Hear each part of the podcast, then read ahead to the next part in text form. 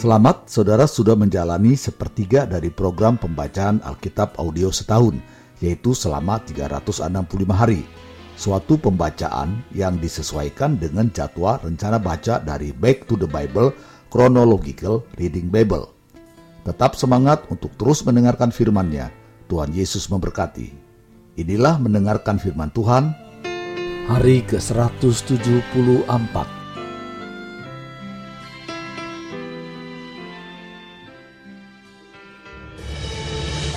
Raja-Raja pasal 12 ayat 1 sampai 24. Pecahnya kerajaan itu.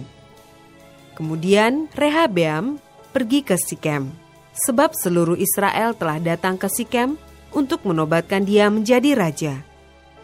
Segera sesudah hal itu kedengaran kepada Jerobeam bin Nebat. Pada waktu itu ia masih ada di Mesir, sebab ia melarikan diri ke sana dari hadapan Raja Salomo maka kembalilah ia dari Mesir. Orang menyuruh memanggil dia, lalu datanglah Yerobeam dengan segenap jemaah Israel dan berkata kepada Rehabeam, Ayahmu telah memberatkan tanggungan kami, maka sekarang ringankanlah pekerjaan yang sukar yang dibebankan ayahmu dan tanggungan yang berat yang dipikulkannya kepada kami, supaya kami menjadi hambamu. Tetapi ia menjawab mereka, Pergilah sampai lusa, kemudian kembalilah kepadaku. Lalu pergilah rakyat itu. Sesudah itu, Rehabeam meminta nasihat dari para tua-tua yang selama hidup Salomo mendampingi Salomo ayahnya. Katanya, Apakah nasihatmu untuk menjawab rakyat itu? Mereka berkata, Jika hari ini engkau mau menjadi hamba rakyat, mau mengabdi kepada mereka, dan menjawab mereka dengan kata-kata yang baik, maka mereka menjadi hamba-hambamu sepanjang waktu. Tetapi ia mengabaikan nasihat yang diberikan para tua-tua itu. Lalu ia meminta nasihat kepada orang-orang muda yang sebaya dengan dia dan yang mendampinginya. Katanya kepada mereka, Apakah nasihatmu supaya kita dapat menjawab rakyat yang mengatakan kepadaku, ringankanlah tanggungan yang dipikulkan kepada kami oleh ayahmu?' Lalu orang-orang muda yang sebaya dengan dia itu berkata, Beginilah harus kau katakan kepada rakyat yang telah berkata kepadamu, Ayahmu telah memberatkan tanggungan kami, tetapi engkau ini berilah keringanan kepada kami. Beginilah harus kau katakan kepada mereka, kelingkingku lebih besar daripada pinggang ayahku. Maka sekarang ayahku telah membebankan kepada kamu tanggungan yang berat, tetapi aku akan menambah tanggungan kamu. Ayahku telah menghajar kamu dengan cambuk, tetapi aku akan menghajar kamu dengan cambuk yang berduri besi. Pada hari lusanya, datanglah Yerobeam dengan segenap rakyat kepada Rehabeam, seperti yang dikatakan raja, kembalilah kepadaku pada hari lusa. Raja menjawab rakyat itu dengan keras. Ia telah mengabaikan nasihat yang diberikan para tua-tua kepadanya. Ia mengatakan kepada mereka menurut nasihat orang-orang muda, Ayahku telah memberatkan tanggungan kamu, tetapi aku akan menambah tanggunganmu itu. Ayahku telah menghajar kamu dengan cambuk, tetapi aku akan menghajar kamu dengan cambuk yang berduri besi. Jadi raja tidak mendengarkan permintaan rakyat, sebab hal itu merupakan perubahan yang disebabkan Tuhan, supaya Tuhan menepati firman yang diucapkannya dengan perantaran Ahia, orang Silo, kepada Yerobeam bin Nebat. Setelah seluruh Israel melihat bahwa raja tidak mendengarkan permintaan mereka, maka rakyat menjawab raja, "Bagian apakah kita dapat daripada Daud? Kita tidak memperoleh warisan dari anak Isai itu. Ke kemahmu, hai orang Israel. Uruslah sekarang rumahmu sendiri, hai Daud." Maka pergilah orang Israel ke kemahnya, sehingga Rehabia menjadi raja hanya atas orang Israel yang diam di kota-kota Yehuda Kemudian Raja Rehabeam mengutus Adoram yang menjadi kepala Rodi, tetapi seluruh Israel melontari dia dengan batu sehingga mati. Bahkan Raja Rehabeam hampir-hampir tidak dapat menaiki keretanya untuk melarikan diri ke Yerusalem. Demikianlah mulanya orang Israel memberontak terhadap keluarga Daud sampai hari ini. Segera sesudah seluruh Israel mendengar bahwa Yerobeam sudah pulang, maka mereka menyuruh memanggil dia ke pertemuan jemaah. Lalu mereka menobatkan dia menjadi raja atas seluruh Israel. Tidak ada lagi yang mengikuti keluarga Daud selain dari suku Yehuda saja. Ketika Rehabeam datang ke Yerusalem, ia mengumpulkan segenap kaum Yehuda dan suku Benyamin, 180 ribu teruna yang sanggup berperang untuk memerangi kaum Israel dengan maksud mengembalikan kerajaan itu kepada Rehabeam anak Salomo. Tetapi datanglah firman Allah kepada Semaya, abdi Allah, demikian. Katakanlah kepada Rehabeam anak Salomo, Raja Yehuda, dan kepada segenap kaum Yehuda dan Benyamin, dan kepada selebihnya dari bangsa itu. Beginilah firman Tuhan. Janganlah kamu maju, dan janganlah kamu berperang melawan saudara-saudaramu, orang Israel. Pulanglah masing-masing ke rumahnya, sebab akulah yang menyebabkan hal ini terjadi. Maka mereka mendengarkan firman Tuhan, dan pergilah mereka pulang sesuai dengan firman Tuhan itu. Ayat 25 sampai 33. Yerobeam memulai ibadah baru. Kemudian Yerobeam memperkuat Sikem di pegunungan Efraim, lalu diam di sana. Ia keluar dari sana lalu memperkuat Penuel. Maka berkatalah Yerobeam dalam hatinya, "Kini mungkin kerajaan itu kembali kepada keluarga Daud. Jika bangsa itu pergi mempersembahkan korban sembelihan di rumah Tuhan di Yerusalem, maka tentulah hati bangsa ini akan berbalik kepada Tuhan mereka, yaitu Rehabeam, Raja Yehuda. Kemudian mereka akan membunuh aku dan akan kembali kepada Rehabeam, Raja Yehuda. Sesudah menimbang-nimbang, maka raja membuat dua anak lembu jantan dari emas, dan ia berkata kepada mereka, sudah cukup lamanya kamu pergi ke Yerusalem. Hai Israel, lihatlah sekarang Allah-Allahmu yang telah menuntun engkau keluar dari tanah Mesir. Lalu ia menaruh lembu yang satu di Betel dan yang lain ditempatkannya di Dan. Maka hal itu menyebabkan orang berdosa, sebab rakyat pergi ke Betel menyembah patung yang satu dan ke Dan menyembah patung yang lain. Ia membuat juga kuil-kuil di atas bukit-bukit pengorbanan dan mengangkat imam-imam dari kalangan rakyat yang bukan dari Bani Lewi. Kemudian Yerobeam menentukan suatu hari raya pada hari yang ke-15 bulan ke-8, sama seperti hari raya yang di Yehuda, dan ia sendiri naik tangga mesbah itu. Begitulah dibuatnya di Betel, yakni ia mempersembahkan korban kepada anak-anak lembu yang telah dibuatnya itu, dan ia menugaskan di Betel imam-imam bukit pengorbanan yang telah diangkatnya. Ia naik tangga mesbah yang dibuatnya di Betel itu pada hari yang ke-15 dalam bulan yang ke-8, dalam bulan yang telah direncanakannya dalam hatinya sendiri. Ia menentukan suatu hari raya bagi orang Israel, dan ia naik tangga mesbah itu untuk membakar korban. 1 Raja-Raja pasal 13 ayat 1 sampai 34. Abdi Allah dari Yehuda. Sedang Yerobeam berdiri di atas mesbah itu sambil membakar korban, maka atas perintah Tuhan datanglah seorang abdi Allah dari Yehuda ke Betel. Lalu atas perintah Tuhan berserulah orang itu terhadap mesbah itu. Katanya, "Hai mesbah, hai mesbah, beginilah firman Tuhan: bahwasanya seorang anak akan lahir pada keluarga Daud. Yosia namanya. Ia akan menyembelih di atasmu imam-imam bukit pengorbanan yang membakar korban di atasmu. Juga tulang-tulang manusia akan dibakar di atasmu. Pada waktu itu juga ia memberitahukan suatu tanda ajaib. Katanya, inilah tanda ajaib bahwa Tuhan telah berfirman bahwasanya mesbah itu akan pecah sehingga tercurah abu yang di atasnya. Demi Raja Yerobeam mendengar perkataan abdi Allah yang diserukannya terhadap mesbah di Betel itu, ia mengelurkan tangannya dari atas mesbah dan berkata, Tangkaplah dia, tetapi tangan yang diulurkannya terhadap orang itu menjadi kejang, sehingga tidak dapat ditariknya kembali. Mesbah itu pun pecahlah, sehingga abu yang di atasnya tercurah sesuai dengan tanda ajaib yang diberitahukan abdi Allah itu atas perintah Tuhan. Lalu berbicaralah raja dan berkata kepada abdi Allah itu, Mohonkanlah belas kasihan Tuhan Allahmu dan berdoalah untukku, supaya tanganku dapat kembali. Dan abdi Allah itu memohonkan belas kasihan Tuhan, maka tangan raja itu dapat kembali dan menjadi seperti semula.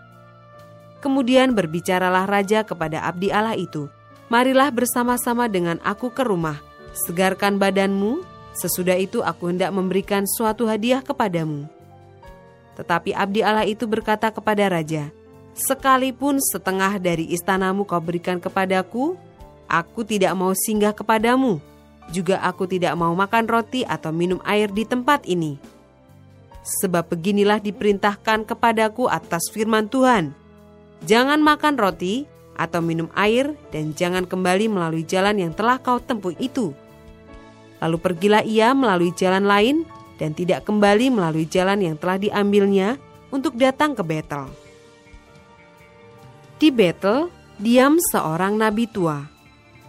Anak-anaknya datang menceritakan kepadanya segala perbuatan yang dilakukan abdi Allah pada hari itu di Betel. Mereka menceritakan juga kepada ayah mereka perkataan yang dikatakannya kepada raja. Kemudian ayah mereka bertanya, "Dari jalan manakah ia pergi?" Lalu anak-anaknya menunjukkan kepadanya jalan yang diambil abdi Allah yang datang dari Yehuda itu. Ia berkata kepada anak-anaknya, "Pelanai keledai bagiku." Mereka memelanai keledai baginya, lalu ia menunggangnya dan pergi mengikuti abdi Allah itu dan mendapatinya duduk di bawah sebuah pohon besar. Ia bertanya kepadanya, Engkaukah abdi Allah yang telah datang dari Yehuda? Jawabnya, Ya, akulah itu. Katanya kepadanya, Marilah bersama-sama aku ke rumah untuk makan roti. Tetapi jawabnya, Aku tidak dapat kembali bersama-sama engkau dan singgah kepadamu. Aku tidak dapat makan roti atau minum air bersama-sama engkau di tempat ini Sebab telah diperintahkan kepadaku atas firman Tuhan, jangan makan roti atau minum air di sana. Jangan berjalan pulang melalui jalan yang telah kau ambil. Lalu jawabnya kepadanya, Aku pun seorang nabi juga seperti engkau, dan atas perintah Tuhan seorang malaikat telah berkata kepadaku, bahwa dia pulang bersama-sama engkau ke rumahmu, supaya ia makan roti dan minum air. Tetapi ia berbohong kepadanya. Kemudian orang itu kembali bersama-sama dia, lalu makan roti dan minum air di rumahnya. Sedang mereka duduk menghadapi meja, datanglah firman Tuhan kepada nabi yang telah membawa dia pulang.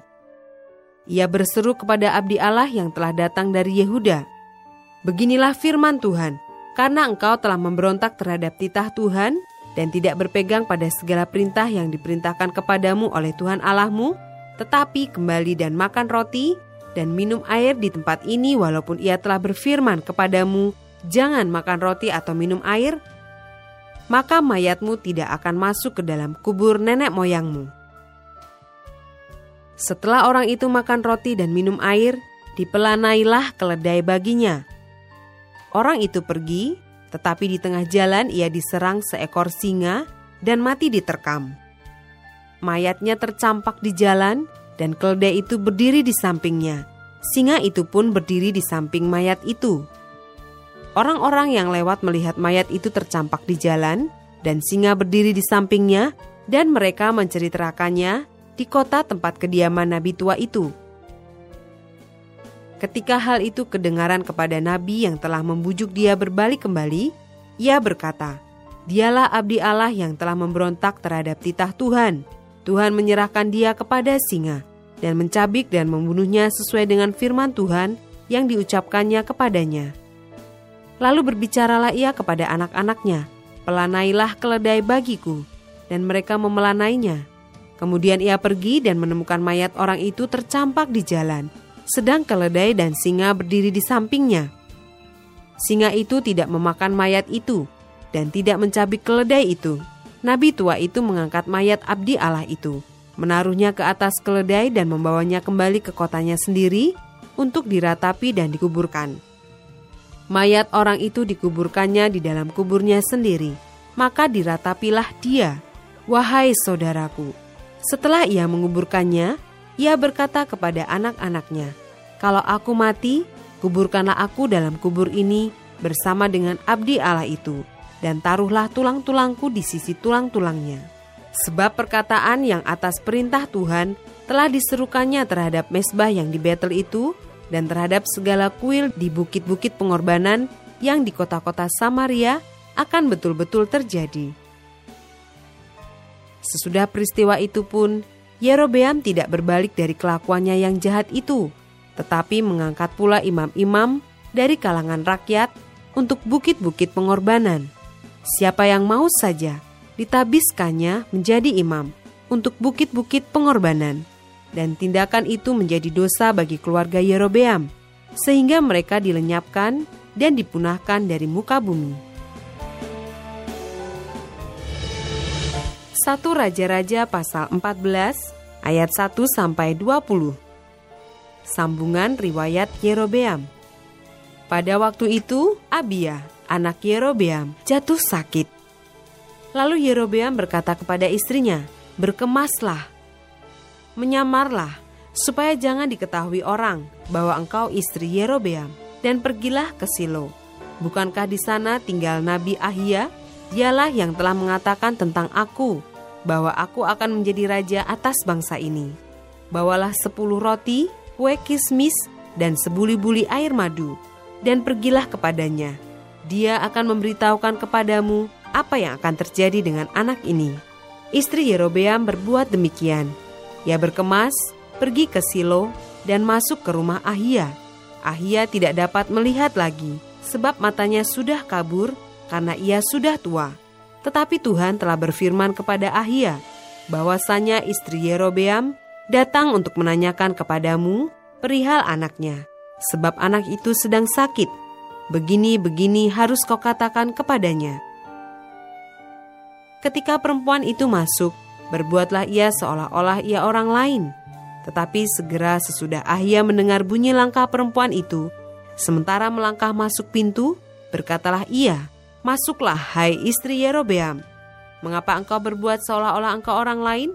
Aku disuruh menyampaikan pesan yang keras kepadamu. Pergilah, katakan kepada Yerobeam, beginilah firman Tuhan, Allah Israel. Aku telah meninggikan engkau dari tengah-tengah bangsa itu dan mengangkat engkau menjadi raja atas umatku Israel. Aku telah mengoyakkan kerajaan dari keluarga Daud dan memberikannya kepadamu tetapi engkau tidak seperti hambaku Daud yang tetap menaati segala perintahku dan mengikuti aku dengan segenap hatinya dan hanya melakukan apa yang benar di mataku. Sebab engkau telah melakukan perbuatan jahat lebih dari semua orang yang mendahului engkau dan telah membuat bagimu Allah lain dan patung-patung tuangan sehingga engkau menimbulkan sakit hatiku bahkan engkau telah membelakangi aku maka aku akan mendatangkan malapetaka kepada keluarga Yerobeam. Aku akan melenyapkan daripada Yerobeam setiap orang laki-laki, baik yang tinggi maupun yang rendah kedudukannya di Israel. Aku akan menyapu keluarga Yerobeam seperti orang menyapu tai sampai habis. Setiap orang daripada Yerobeam yang mati di kota akan dimakan anjing, dan yang mati di padang akan dimakan burung yang di udara sebab Tuhan telah mengatakannya. Tetapi bangunlah dan pulanglah ke rumahmu. Pada saat kakimu melangkah masuk kota, anak itu akan mati. Seluruh Israel akan meratapi dia dan menguburkan dia, sebab hanya dialah daripada keluarga Yerobeam yang akan mendapat kubur.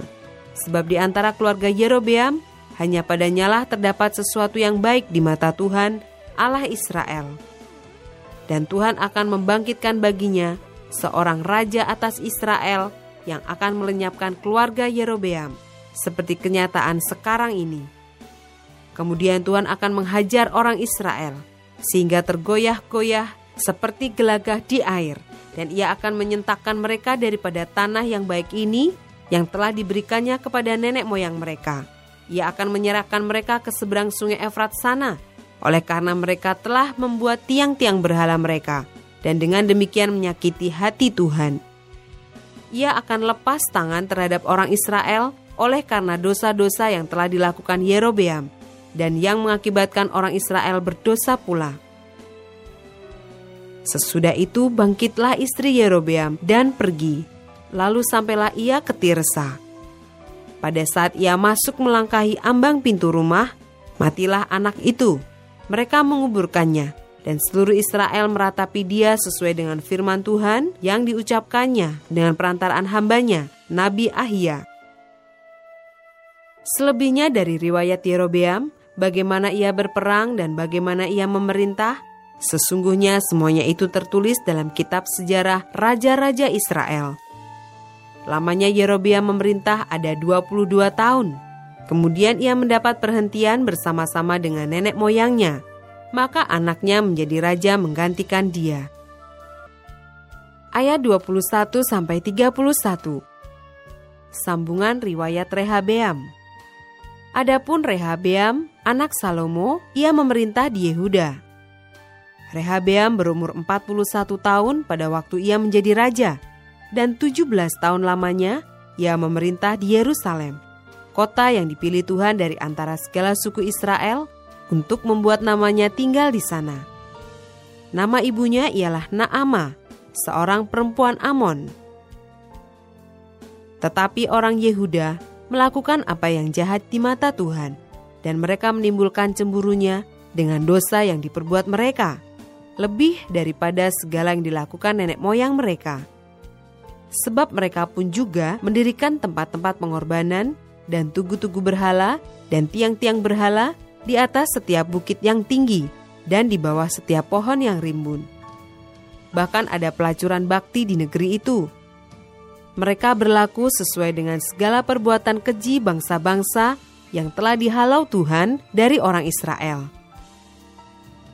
Tetapi pada tahun kelima zaman Raja Rehabeam, majulah Sisak, Raja Mesir, menyerang Yerusalem. Ia merampas barang-barang perbendaharaan rumah Tuhan dan barang-barang perbendaharaan rumah raja. Semuanya dirampasnya.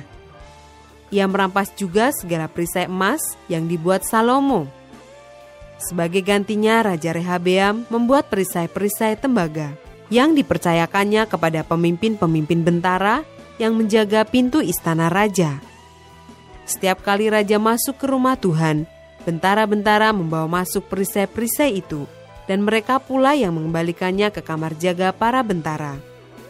Selebihnya dari riwayat Rehabeam dan segala yang dilakukannya, Bukankah semuanya itu tertulis dalam kitab sejarah raja-raja Yehuda?